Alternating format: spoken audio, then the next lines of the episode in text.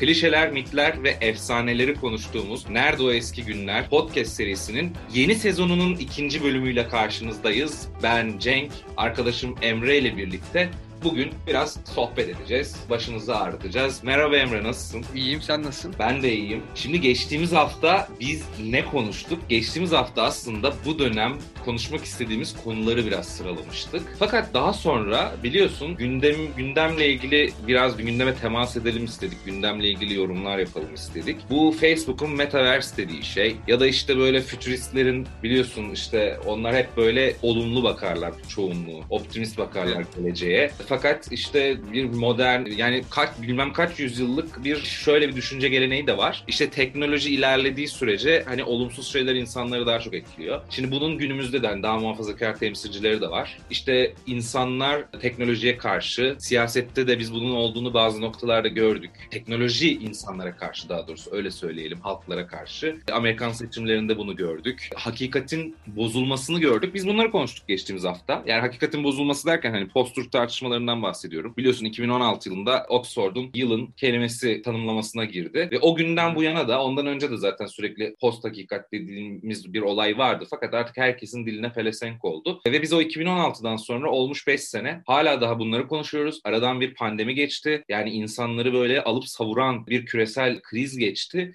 E, burada da posturu tekrar karşımıza çıkan bir olay söylemlerde, haberlerde. Biraz bunları böyle derinleştirelim istiyoruz bu programda. Fakat nasıl derinleştirelim? Popüler kültürden kopmadan, geçmişin özellikle popüler kültüründen kopmadan bazı belki filmler ve bazı belki de kitaplar üzerinden bunları konuşabiliriz diye düşünüyorum. Sen ne düşünüyorsun? Evet doğru. Yani katılıyorum. Şimdi şöyle, e, benim aklıma gelen bazı kitaplar var. Bazı, ya tabii bir iki tane film var. Fakat enteresan olan şey bu kitap ve filmlerin arkasındaki hikayeler. Yani biliyorsun sen de öyle bir insansın. Ben yani biliyorum seni tanıyorum. Ya biz bir filmi izlerken filmin sadece içine dalıp gitmiyoruz. Yönetmenin hangi şartlarda onu çektiği, işte bir kitabın yazarının hangi şartlarda ya biyografi oku, okuyoruz mesela. O yazar nasıl bir dönemden geçmiş bunu yaparken ve genelde de gördüğümüz bazı şeyler var. Nedir o? Benim en çok gördüğüm şeyi söyleyeyim açıkçası. Belki dinleyenler için enteresan bir bakış açısı da olabilir. Şöyle söyleyebilirim. Şimdi bir yazar özellikle fütüristik bir şey yazdığı zaman yani bunu fütüristik yazıyorum diye yazmıyor zaten. Bir eleştiri yazıyor romanında. Yani kurgu bu arada kurmaca metinden bahsediyoruz şeyden değil. Yani filmlerde de romanlarda da kurmacadan bahsediyoruz. Belgesel gibi e, habercilik tarzı şeylerden bahsetmiyoruz. Onlar zaten dönemi yorumlamaya çalışıyorlar. Fakat yazarlar genellikle veya film işte senaristleri diyelim genellikle biraz bilinçaltlarından biraz kendilerine sorsan çok akıllarına gelmeyecek şekilde bazı kelimeler sarf ediyorlar. Bazı olaylar yaratıyorlar ve bu olay gerçekten 30 yıl sonra ortalığı kasıp kavuruyor. Fakat o kişiler, o yazar ve o yönetmen o filmi çekerken, o kitabı yazarken 30 yıl sonra o söylediği şeyin bir milat olacağının farkı farkında olmuyor. Yani genelde bir de şu vardır. Yani sen çok okuyan birisi olarak mutlaka görmüşsündür. Pek çok yazar zaten yaşarken çok rağbet görmüyor. Hani ölüyorlar, gidiyorlar. Mesela George Orwell enteresan bir adam. Tamam George Orwell yine bilinen birisiydi falan ama ya adam bir sürü rezillik de yaşamış. Tabii heyecanlı da bir tip. Oraya gidiyor, iç savaşa katılıyor işte İspanya'da ona geliyor, buna gidiyor. Fakat 1984 dediğimiz roman biliyorsun işte. Yani Hı. Şu anda şeylere, datalara baktığımız zaman Türkiye'de dahil olmak üzere dünyada da tabii böyle. Ya, Türkiye'de top 10'de her hafta, her gün neredeyse DNR'larda, diğer işte bu penguen kitap evleri neyse ne işte bunlarda en fazla satan romanlar bunlar. Niye? İşte insanlar diyor ki ya bu adam gerçekten zamanında 1930'ların başıydı yanlış hatırlamıyorsam onun yazması şeyi. Ya bu adam o dönemlerde nasıl kaç? 40'ların sonu çünkü 45 sonrası ikisi de öyle. Hayvan çiftliği de o da 45 ha. sonrasında çıkıyor yani. En ben neden tabii 30'lar gibi bir şey hatırladım ama o iç savaşta tabii o dönem şeydi. Hani belki o onunla karıştırdım ama yani İspanya İç Savaşı. Ya adam gerçekten işte 40'ların sonu diyelim hadi. 84 diye bir şey yazıyor. O 84 aslında 84'te olmuyor. Çok enteresan bir şekilde 1984 yılı böyle çok oto, şey totaliteryanizmlerin böyle biraz itildiği evet bir neoliberalizm denen bir şey geliyor ekonomik siyasal olarak. Fakat böyle insanlara sürekli tüketimin aşılandığı ya Orada da görece hayali de diyebiliriz. Belki gerçekte bakış açına göre değişir. Bir özgürlüğün hopalandığı bir dönem aslında. Yani insanlar gerçekten kendilerini çok aşırı şeyleri yaşarken buluyorlar. İşte paralarını bir yerlere harcayabiliyorlar. Film endüstrisi, işte müzik endüstrisi. Fakat sonra işte Trump seçiliyor 2016'da ve Amerika bir anda 1984 demeye başlıyor. İşte orada da demişti zaten diyor. Ya da başka ülkeler başka şekillerde bunu yapabiliyor. O nedenle biraz da bu programda yani işte ne diyelim bunu bu metaverse dediğimiz öte alem ya da evrenin ötesi, öte evren diye çeviriyorlar genelde Türkçe'ye. Bu tartışmalar gözünle görebildiğin, duyabildiğin ni geçtim ya da daha doğrusu şöyle doğal dünyanın doğasının üstünde bir yeni doğa yaratan bu evren öyle bir şey vaat ediyor bize şu an. Henüz oldu mu bilmiyoruz. Bir kısmı oldu evet bazı teknolojik gelişmelerle ama buna bütün dünyanın dalacak olması gibi bir şey vaat ediliyor. 10 sene sonra sanki herkes gerçekten böyle odalarının içinde oturup New York Times meydanında yürüyecekler sanki. Anlatabiliyor muyum? Yani İstanbul'da oturan birisi, işte Ankara'da oturan birisi. Bunu yapacak gibi hissediyoruz. Ama böyle olacak. Bunu biraz hani nasıl, buraya giden yollar nasıl döşenmiş? Aslında onları biraz konuşabiliriz gibi geliyor bana. Ve şöyle söyleyeyim. Bunların birincisi de ya tabii buna çok şahsi bir şey konuşuyoruz. Nasıl şahsi bir şey konuşuyoruz? Kendi işte aklımıza gelen birkaç örnek oluyor. Bunu bu programı dinleyen bir kişi bu konularla çok ilgiliyse elbette şunu diyebilir ya oraya gelene kadar şunlar da vardı veya sonra bunlar da oldu. Bu biraz gusto ile alakalı veya o alanda daha fazla okumak veya daha az okumakla alakalı. Şimdi açıkçası ben biraz miladı 1980'lerin başına koymak gerektiğini düşünüyorum. Bu George Orwell'in 84'üyle de aslında böyle komik bir şekilde evet benzerlik arz ediyor. Nedir? 1981 yılı, 80-81 arası. Ya bu tarihler şaşabilir. Şu an biz not notlarımızla bu programı hazırlanmıyoruz. Sohbet etmek için oturuyoruz. Fakat çok da böyle yanlış bir bilgi vermiyoruz. Yani 81 değil 82'dir, 84'tür.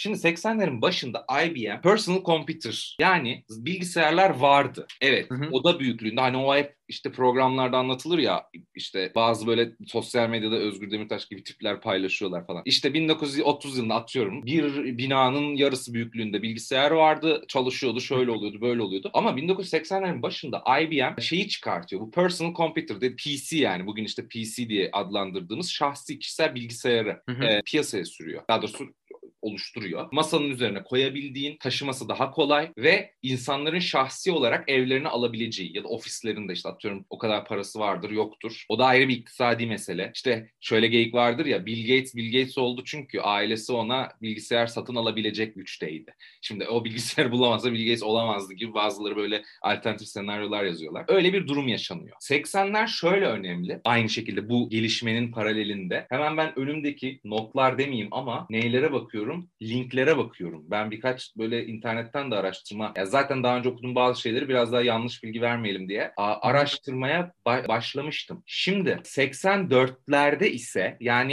IBM'in o şeyinden, atılımından birkaç sene içerisinde ya tam işte 82 arası, 84'te daha zirve noktaya ulaşıyor gibi Apple işte bugün hayatlarımızda hiçbir şekilde böyle duyma, ismini duymadığımız gün geçmeyen neredeyse birçok insan yani artık iPhone'u olmayan yani evet Android kullanan var ama yani iPhone, Apple, MacBook bunların hepsi hayatımızın bir parçası aslında. Evrenlerimizin diyelim ya da. Kendi evrenlerimizin bir parçası. Apple kalkıyor. O da personal computer. Linda isminde bir gerçekten böyle daha ileri boyutta Linda şey diye geçiyor. Apple Linda mı diye geçiyordu o dönem tam hatırlamıyorum ama bir bilgisayar yapıyor ve bu bilgisayarla zaten Apple Apple oluyor bir yerde de o yıllar yıllarda. Bu IBM'in ve Apple'ın atağı zaten biliyorsun artık 80'lerle birlikte 80'lerin başıyla birlikte biz artık gerçekten her insanın teorik olarak her insan evet yoksul insanlar ulaşamıyor olabilirler fakat ama yani neredeyse önemli sayıda insanın evlerinden sanal bir alemde her ne kadar internet olmasa da sanal bir kutunun içerisinde televizyon harici işlem yapabildiklerini işte yazı yazabildiklerini bir şeyler depolamaya çalışabildiklerini görüyor. Aynı yıllarda biraz konumuza gelelim. Neuromancer. Şimdi Neuromancer Neuromancer diye bir roman var. Bu William Gibson'ın bir romanı. Türkçe'de 6.45 yayınlarından çıktı. Fakat çıkmıştı zaten. Şu anda çok zor. Ya ben tam bilmiyorum baskısı tekrar oldu mu ama benim kardeşimde olduğu için ben bu kitabı Türkçesinden okudum. Pek rahat bulunamıyordu bu aralar Neuromancer'in Türkçesi.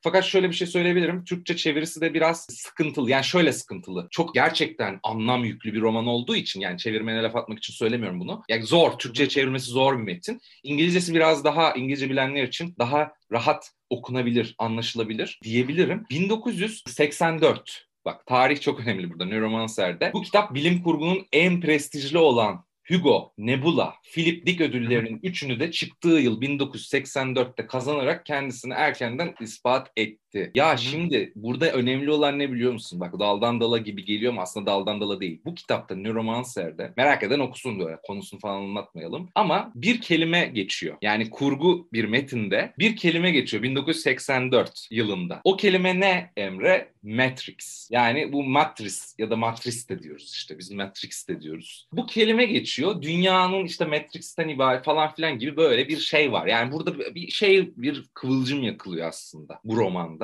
Ha bir de bak mesela enteresan bir bilgi daha var. Sa- Türkçe'de ilk olarak Sarmal Yayınları bunu özgün adıyla Neuromancer olarak çevirmiş. Fakat hı hı. Salman yayın, Sarmal Yayınları'nın kapanmasıyla kitap bir kez daha bu kez Matrix Avcısı adıyla altın kitaplardan çıkmış. Daha sonra 2012 yılında 645 bunu tekrar basmış. Yani bizim Türk Türkçedeki işte bir yayın evi, Türkiye'deki bir yayın evi Türkçe Matrix avcısı olarak da ismini Neuromancer değil de hani Matrix avcısı olarak çıkarmış. Şimdi Matrix Sonra ne oldu? Dinleyicilerimiz şu anda anlayabilmişlerdir geleceğimiz noktayı. Bilgisayarlar çıktı, şahsi bilgisayarlar. Edebiyat bir şekilde bir öngörüde bulunarak evet geldi Matrix denen bir şeyden bahsetti. Fakat o sırada belki de Silikon Vadisi'ndeki bazı insanların evinde vardı. İşte Amerika'nın önemli işte böyle aileleri o bilgisayarları evlerine alıyorlardı. Amerikan Savunma Bakanlığı'nda vardı. Atıyorum her zaman öyle olur zaten. İlk başta onlar kullanırlar bir şeyi ya da argesini yaparlar. Fakat adam yani bütün dünyanın Matrix'e girebileceğini mesela mesela öngörebildi mi? E şimdi sonra 90'lı yılların sonunda biz ne görüyoruz? Bir sürü anime falan da var da girmeyelim onlara. Yani animelerde de Matrix meselesi çok anlatılıyor. E biz Hı-hı. işte Wachowski'ler miydi? Yanlış sen daha iyi hakimsin. kardeşler. Wachowski. Wachowski. Matrix filmini görüyoruz. Evet filmi izlemişsindir. Hı-hı. Aynen. Üçleme oldu sonra değil mi? Şimdi Aynen. hatta dördüncüsü Hatta dördüncüsü patlı yani nasıl olacak belli. Şimdi ben biraz sözü sana bırakmak istiyorum. Filmden de bahsedebilirsin ya da düşüncelerini aktarabilirsin. Ya Matrix filmi tabii 99'da çıkıyor. Tabii çok büyük sahneleri var. Yani unutulmaz ve çok e, şey katıyor. Yani bilim kurguda bir kapı aralıyor. Daha sonra da ona benzer türevleri çıkıyor. Denebilir. Tabii filmin dünyası işte Matrix bir evren değil mi? Evet. İçinde, içinde olan yani içindeki bir şey ve çok ilham da verici bir şey var. İşte o filmde Neo diye bir karakter vardı. Biraz peygamber vari bir karakter. Neo işte her zaman zaten Neo yani yeni yeni insan da diyebiliriz belki. Aynen ya birçok metafor içinde barındıran bir film. Morpheus diye bir karakter var. Ona bir nevi işte yardım eden, yol gösteren, ulaşması gereken yere doğru onu iten Morpheus ve işte yine yanındaki ekibi de var denebilir. İşte ne o aranan kişi olarak şey yapılıyor, tasvir ediliyordu filmde. Ve o evren içerisinde yollarını bulmaya çalışıyorlardı herhalde değil mi? Kurtarıcıydı kimliği. Aynen öyle. Yani ya bu işin İngilizce tabiri söyleyelim. Chosen one, seçilmiş kişi. Ya bu o kadar edebiyatın en önemli şeylerinden bir tanesi zaten. Ya da sen demin çok güzel söyledin. Peygamber misali. Yani bu daha sonra zaten daha sonra dediğimiz önceleri de vardır ama 2000'li yıllarda Harry Potter'dan tut Lord of the Rings'in tekrar diriltilmesi. Şimdi öyle şeyler de var. Evet o tarihte yazılmıyor Lord of the Rings yani Yüzüklerin Efendisi ama e, diriltiliyor abi yani işte Hollywood. Bak şimdi dün konuşuluyor bu aralar. İzledim mi bilmiyorum. Kardeşim izledi. Ben izlemedim. Du, ne var ya dün mü ne? Ha. Ya evet, dün evet, çok evet. eski. Ya dün de mesela şimdi öyle bir şey ki bu. Ya eldeki şey bitiyor tamam mı? Şimdi Rowling, Harry Potter'ın Rowling'i gitmiş yemek kitabı falan yazmış. Geçen başka bir şey daha gördüm. Ya ürün şimdi kadın bir ara şey geyiği vardı. İngiltere kraliçesinden daha zengin falan Rowling için. Yani artık evet. kadın bildiğin yemek kitabı çıkarıyor. Yok işte büyülüye tarifler bilmem ne. Kendi hayatını yazdı bilmem ne. Şimdi Yüzüklerin Efendisi'nin e, 20 senedir Yüzüklerin Efendisi, Hobbit bilmem ne gitti. E şimdi Hollywood'un elinde bir şey kalmadı. Atıyorum böyle oluyor zaten tarihte. E bu sefer ne oluyor? Bilmem kaç 70 yıl önce yazılmış, 50 yıl önce yazılmış şeylere dönülüyor. İşte dün Hı-hı. şimdi de filmi çekildi. Muhtemelen 3 tane çekerler. Sonra alt karakterlerin ya da işte o Yüzüklerin Efendisi'ndeki Silmarillion gibi evrenin böyle hani nasıl oluştuğunu anlatan herkesin farkındaysa herkes kendi evrenini zamanında yazmış. Ondan sonra bunu da işte Hollywood etkisiyle biz görüyoruz. Dediğin gibi Matrix Matrix de şimdi dördüncü senin dediğin ama hep şey deniyor. Bilmiyorum o ne zaman çıkacak çok bir bilgim yok da. Ya zannediyorum böyle çok sükse yapan filmler aradan bir zaman geçtikten sonra yeniden bir şey yapıldığında çok hani bekleneni karşılamıyorlar ya. Sanki bana öyle olacak gibi geliyor. Genelde öyle oluyor dediğin gibi. Bir de zaten genelde öncesini anlatmaya çalışıyorlar evrenin. Yani Matrix'i tam bilmiyorum da genelde hani Star Wars evreninde de öyleydi ya. Üçlemenin ardından ikinci üçleme öncesini anlatıyordu. Öyle bir şey olabilir. Ama izlemeye değer. Çünkü çok ilginç bir filmdi. Hatta Zizek'in o kitap bir kitabı var. Matrix'i anlatan.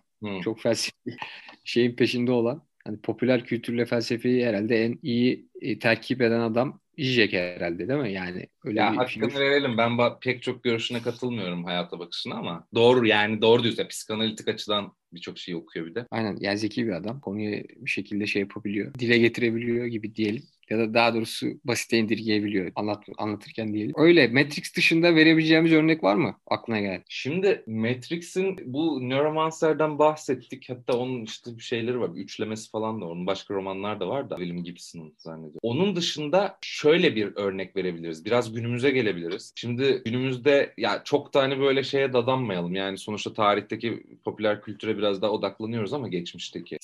Ve demin konuşmaya başladığımızdaki işte Metaverse nereye gidiyoruz bunu tarihteki köklerden acaba o gelecekte ne olacağını anlayabilir miyiz gibi bir bakış açısı sergilediğimiz için Metaverse'den de çok sapmayalım ya da işte böyle o evren evrenin işte sanal evren bilin şeyinden noktasından çok sapmayalım. Mesela işte bu simülasyon tarzı şeylerin çok fazla öne çıktığını görüyoruz biz. İşte neticede demin söylediğin gibi Matrix'i de tekrar çekmeye karar verdiler. Gerçi o Wachowski'lerden biri çekiyor galiba şu anda. İkisi değil sanırım. Biri mi çekecek? Öyle bir şey vardı galiba. O da şey demiş geçen bir röportajına baktım. Onların annesi mi öldü, babası mı öldü? Birisi öldü. İşte ben bunalıma girmemek için çekme çektim zaten falan. Öyle bir şey diyor. Yoksa işte bunalıma girecektim, kendimi mahvedecektim falan gibi bir şeyden bahsediyor. O yüzden günümüze de gelirsek Matrix'in de tekrar dirildiği bir noktada. Şimdi Ghost in the Shell mesela bu Ghost in the Shell anime işte Scarlett Johansson'un kabuktaki hayalet diyorlar galiba bunu Türkçe'de. E, filmin Doğru. adı o. Scarlett Johansson'un oynadığı da filmi vardı.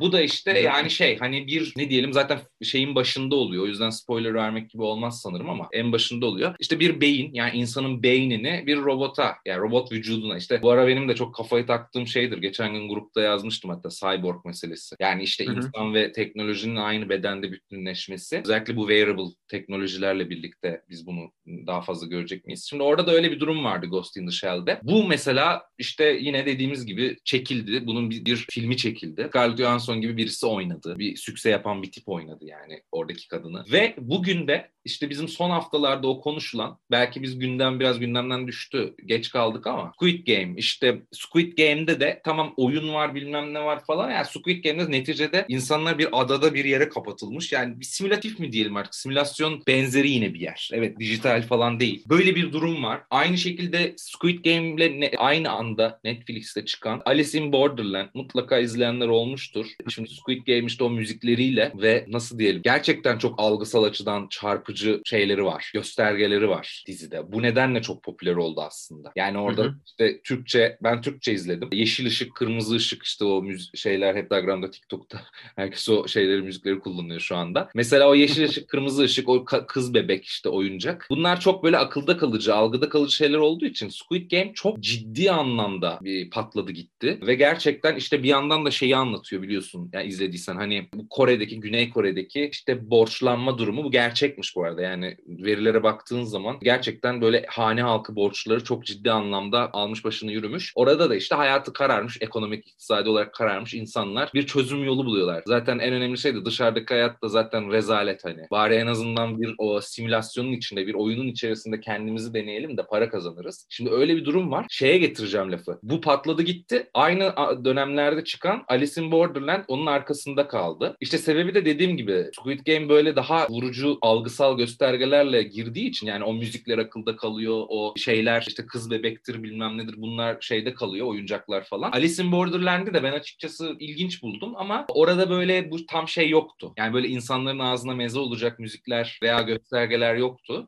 Ama Hı hı. orada da işte bir nevi şey anlatılıyor. Ya yine oyun üzerinden. Ama farkında mısın? Böyle artık biz şeye doğru geldik kültürel olarak. Tabii bu geniş bir böyle 10 yıl sürecek mi bilmiyoruz ama şu anki popülerlikte konuşuyoruz. Ya sanallıktayız abi. artık. Yani bu Matrix ve Matrix'e biz aslında 99 yılından bahsettin. Yani 99 yılında Matrix'in filmi çekildi. İşte 84'te dediğimiz gibi Matrix anıldı. Matrix dünyası falan. E biz artık finanstan tut yani hayatlarımızda işte eğlence kültürüne, eğlenceyi izleme şekillerimize kadar zaten sanal alemin içine girdik. Çok enteresan. Valla çok da konuştum gerçi ama bu cümleyle biraz sana topu atacağım da. Vedat Milor geçen şimdi meta şey metaverse metaverse deniyor ya. Hı hı. Metaverse'i tekrarlayalım bu arada. Metaverse işte bu bugünkü teknolojik olarak alemlerin işte oyunlardan tut atıyorum sosyal medyalara kadar bu alemlerin hepsinin tek bir işte üst evrende birleştirilmesi durum. Bir aslında fenomen bu. Yani böyle bir günde olacak bir şey değil. Dediğim gibi belki zaten böyle sıçrayışlarla olmuyor daha fazla. Böyle bakıyorsun bir anda gerçekten öyle bir şeyin içine düşmüş oluyorsun. Biraz da tek şunu söyleyeyim yani Facebook da orada çakallık edip gerçekten yani gümbür gümbür gelen bir şeyi gördü. Hı hı. Ve o işte olumsuz imajını kurtarabilmek için o meta ismini alıp oraya şeyi attı, kancayı attı. Yani şu da olabilir. Facebook giderek şey olur, güçsüzleşir ama çok daha farklı büyük şirketler Metaverse'te daha önemli hale gelirler. Metaverse'te kurucu aktörleri olurlar. O da olabilir. Şimdi bu çok konuşuluyor. Vedat Milor'a geleceğim demin söylediğim gibi. Vedat Milor çok güzel bir tweet attı geçen gün. Belki de hepimiz çoktandır Metaverse'teyizdir diye. Yani şimdi ben, ben de öyle düşünüyorum abi. Yani bir tek gözlüklerimiz eksik. Yani o gözlükleri alıp bir şeyin içine girip şey yapmıyoruz. Yani bunun dışında zaten bilgisayar oynayanlar Sims'i de oynadılar zamanında. Yarattılar bir, bir kendilerince küçük çaplı kareler içerisinde ev, bir şeyler, evler. O nedenle giderek pek şeye gittiğimiz, sanallığa gittiğimiz işte demin bahsettiğim Squid Game ve Alice in Borderland ile birlikte de oyunun, gaming'in yani işte biliyorsunuz şeyde de çok böyle hani oyun teorisi, Nash, John Nash. Şimdi sen de uluslararası ilişkiler, uluslararası güvenlik çalıştın akademik hayatında. Sen de bilirsin. Abi her önüne gelen işte böyle hype'lanıyor. John Nash evet işte hani oyun teorisi abi öyle bakmak lazım falan diyor uluslararası ilişkilere. Anlatabiliyor muyum? Bütün dünya sanki bir oyuna bir yandan Matrix'e gidiyor. Bütün dünya bir Matrix'e gidiyor. Bütün dünya bir böyle somut yani somut demeyelim geleneksel alemin gerçekten yıkılacağı bir noktaya gidiyor. Bir yandan da deli bir böyle her şeyi oyun olarak görmek böyle bir noktaya gidiyoruz diye düşünüyorum. Ya güzel özetledin. Ben çok hakim olmadığım için pek topa giremiyorum. Sadece bu Squid Game'in mesela açlık oyunları da vardı. Onu izlemiş miydin? Evet, evet. 10 sene o, oldu herhalde değil mi? O bayağı oldu. O da üçleme ya da dörtlemeye doğru gitti falan. O da mesela böyle bir yolculuğu anlatıyordu. Hatta Labirent diye Maze İngilizcesi. Evet. O, öyle bir film vardı. Bunlar hep öyle kon, o, o konu deşiliyor. Yani her sene ya da her 2-3 senede bir bu oyun metaforu kullanılarak işte tabii bunun ba- başka bağlamlar da katılıyor. İşte kimisi kapitalizm eleştirisi falan da diyor. Evet. E, ya da dediğin gibi daha büyük bir resimde bakabiliriz Metaverse kavramı hayatımızın içine daha çok girecek herhalde gözüken o. Yani günlük ya da şey rutinimizin içerisindeki gündemden kafayı dışarı çıkarırsak dünyanın konuştuğu temel konular bunlar olmaya başladı. Yani enteresan. Evet yani dediğin gibi bir de aslında sen güzel hatırlattın açlık oyunları da vurdu geçti o dönemin popülerliğiyle. Hatta geçenlerde de işte birkaç programı izliyordum. Mesela Okan Bölge'nin programında da Ezel Akay çıkmış. Şimdi komik bir durum ya. Ya şimdi şey de var hani bir yandan. Şimdi hani tam Okan Bölgen bunları konuşuyor. Ezel Akay'ı konuk almış. Ezel Akay bayağı da mantıklı şeyler söyledi Ezel Akay ama. Yani çok beklemiyordum açıkçası Ezel Akay'ı konuk alacağını. Böyle şey konusunda Squid Game'i konuşuyorlardı onlar. Hı? Yani o da çok doğru tespitleri var. Senin dediğin gibi ilk söylenen açlık oyunları vardı zaten. Yani açlık oyunları kamuoyuyla bir test edildi zaten. İnsanların bunu alacağı satın alacağı böyle bir şey görüldü. E 10 sene sonra da ben 2010-11 gibi hatırlıyorum. 11'lerde miydi neydi? O dönem üniversiteye ilk başlamıştım. Sinemaya gitmiştim açlık oyunlarını izlemeye. E, romanları zaten biliyorsun hani. Yani filmden önce onun romanları vardı. Çok ciddi okunuyordu. O zaman o dönem hatırlıyorum. Yine bu kitapçılarda üst rafla bestseller raflarda falandı. Ama dediğin gibi yani bunlar aslında trend bunun güçlendiğini gösteriyor. İsimler, kitaplar, filmler böyle gündeme gelip düşebilirler ama o trend diyor. Şimdi Squid Game patladı gitti. Ve ikinci Hı-hı. sezon normal belki de ikinci sezon olmayacaktı. Şimdi çekecekler. Deli para kazandı Netflix. Netflix'in Tabii. kendisi para kazandı yani bu şey üzerinden dizinin. Ve bir de şöyle bir şey var o da enteresan. Mesela bilmem kaç sene önce de bu fikri götürmüş yapımcısı mı artık neyse senaristi mi? Çok Hı-hı. tutmayacak demişler. Her zamanki hikaye abi. Anlatabiliyor muyum yani? Hani çok tutmayacak diyen olmuş ama şimdi tutuyor çünkü pandemi ertesi mesela. İşte böyle şeyler de etkili olabiliyor. Evet önümüzdeki haftalarda biraz şu işten çıkarız da yine tarihe gömülürüz yani. Böyle trendlerden ziyade belki şey konuşuruz. Aynen ağzına sağlık. Güzel özetledin durumu, izah ettin. Ama bunlar artık hayatın göbeğindeki meseleler. Biz tabii daha başka gündemlerle, gündemlerle yapmaya, programları yapmaya devam edeceğiz diyelim teşekkür ediyorum Emre ve bizi dinleyenlere de çok teşekkür ediyoruz. Önümüzdeki haftalarda bizi dinlemede kalın. Hoşçakalın.